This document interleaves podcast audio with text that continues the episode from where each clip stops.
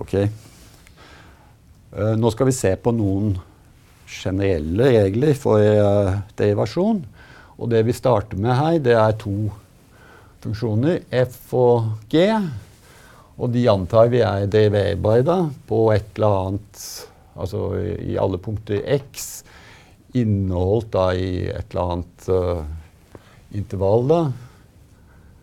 Det tegnet der betyr innholdt i, i det reelle tall. Og at vi har en eller annen uh, en konstant, altså et tall, c. Og uh, det vi vet da, eller kan bevise, men jeg skal ikke gjøre det her, det er at hvis vi tar en konstant og ganger med en funksjon f, og deriverer denne med hensyn på variabelen x, så er det det samme som å sette konstanten utenfor og gange med den deriverte av, av f. Tilsvarende hvis vi deriverer en sum av to funksjoner, så er det det samme som å derivere den ene funksjonen og så legge til den deriverte av den andre funksjonen. Og tilsvarende gjelder dette også for en differanse, naturligvis. Det følger faktisk av disse to uh, første. Men uh, altså hvis vi deriverer f og minus g, så får vi den deriverte av f minus den deriverte av, uh, av g. Hvis vi danner oss produktet, en ny funksjon, det produktet av disse to funksjonene, og deriverer dette produktet, så får vi den såkalte produktregelen for derivasjon. Og det vi har da, det er at vi har den deriverte av, av f ganget med g pluss f gange den deriverte av uh, g.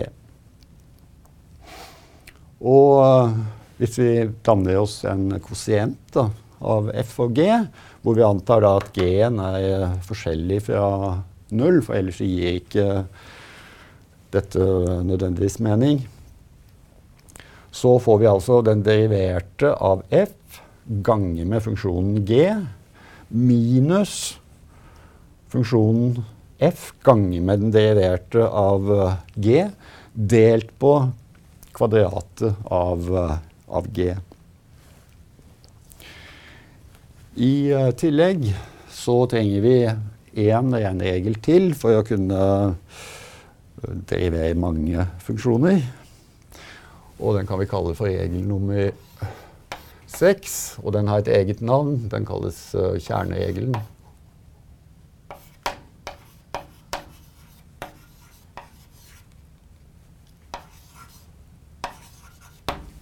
Og vil, eh, nå har vi igjen uh, to funksjoner. Uh, f, av, uh, f av x og g av x.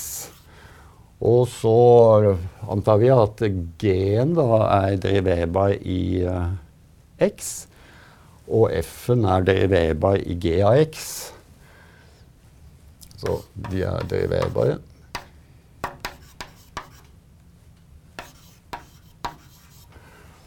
Så kan vi danne oss h av x gitt ved sammensetningen f ring g av x, altså som er lik f av uh,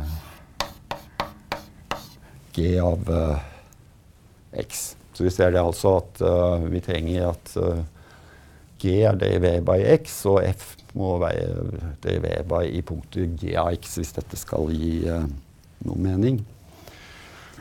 Så da er dh av x, altså den deriverte av, av h av x, det er gitt som den deriverte av f av g av x gange den deriverte av av GAX. Og denne er da kjent som, som kjerneregel. Ja, da skal jeg avslutte med å se på et uh, lite eksempel. Så la oss si vi har en eller annen litt, uh, litt stygt uh, uttrykk. da. Vi kan la f av x være lik la oss si x i fjerde ganget med sinus til kosinus til uh, x i annen. Og det vi vil gjøre, da, det er å finne den deriverte av f-en. Vi ser det at dette er sammensetninger av uh, funksjoner som er deriverbare overalt. Så vi vil finne Så vi vil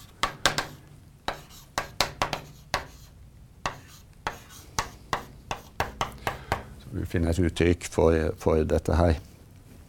Og det første vi må gjøre, da, det er altså å se på strukturen til, uh, til uh, f.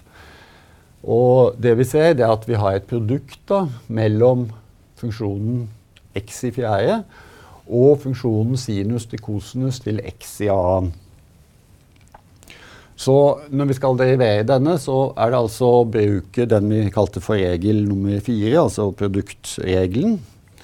At vi får f derivert av x. Ja, det er den deriverte av den første funksjonen, som er x i fjerde, som vi kan derivere, ganget med den andre funksjonen, som da blir vår g da, i dette tilfellet sinus til kosinus til x i andre pluss x i fjerde ganger med den deriverte av den andre komponenten i eh, produktet her. Sinus til kosinus til x i annen sånn. Så det vi ser her, det er altså at vi må derivere x i uh, fjerde. Da får vi det x i fjerde. Det vet vi er 4x i tredje. Og så må vi derivere denne siste saken her. Så det skal ha den deriverte av sinus til kosinus til x i annen. Og um, strukturen til det uttrykket her er altså at det er en sammensatt funksjon med sinus, men kosinus er også en uh, sammensatt funksjon med x i annen, så det er kjerneegel. Og det vi får da, det er rett og slett lik um, Den deriverte av sinus det er kosinus. Og kjernen er altså kosinus x i annen. Men så må vi gange med den deriverte av, uh, av kjernen her også. Og den deriverte av kosinus er minus sinus. Så vi får minus sinus uh, til x i annen. Um, men så må vi også derivere med den indre kjernen, som da er 2x. Så totalt så blir vi da, hvis vi multipliserer den inn her, og multipliserer denne inn her, så får vi altså at f derivert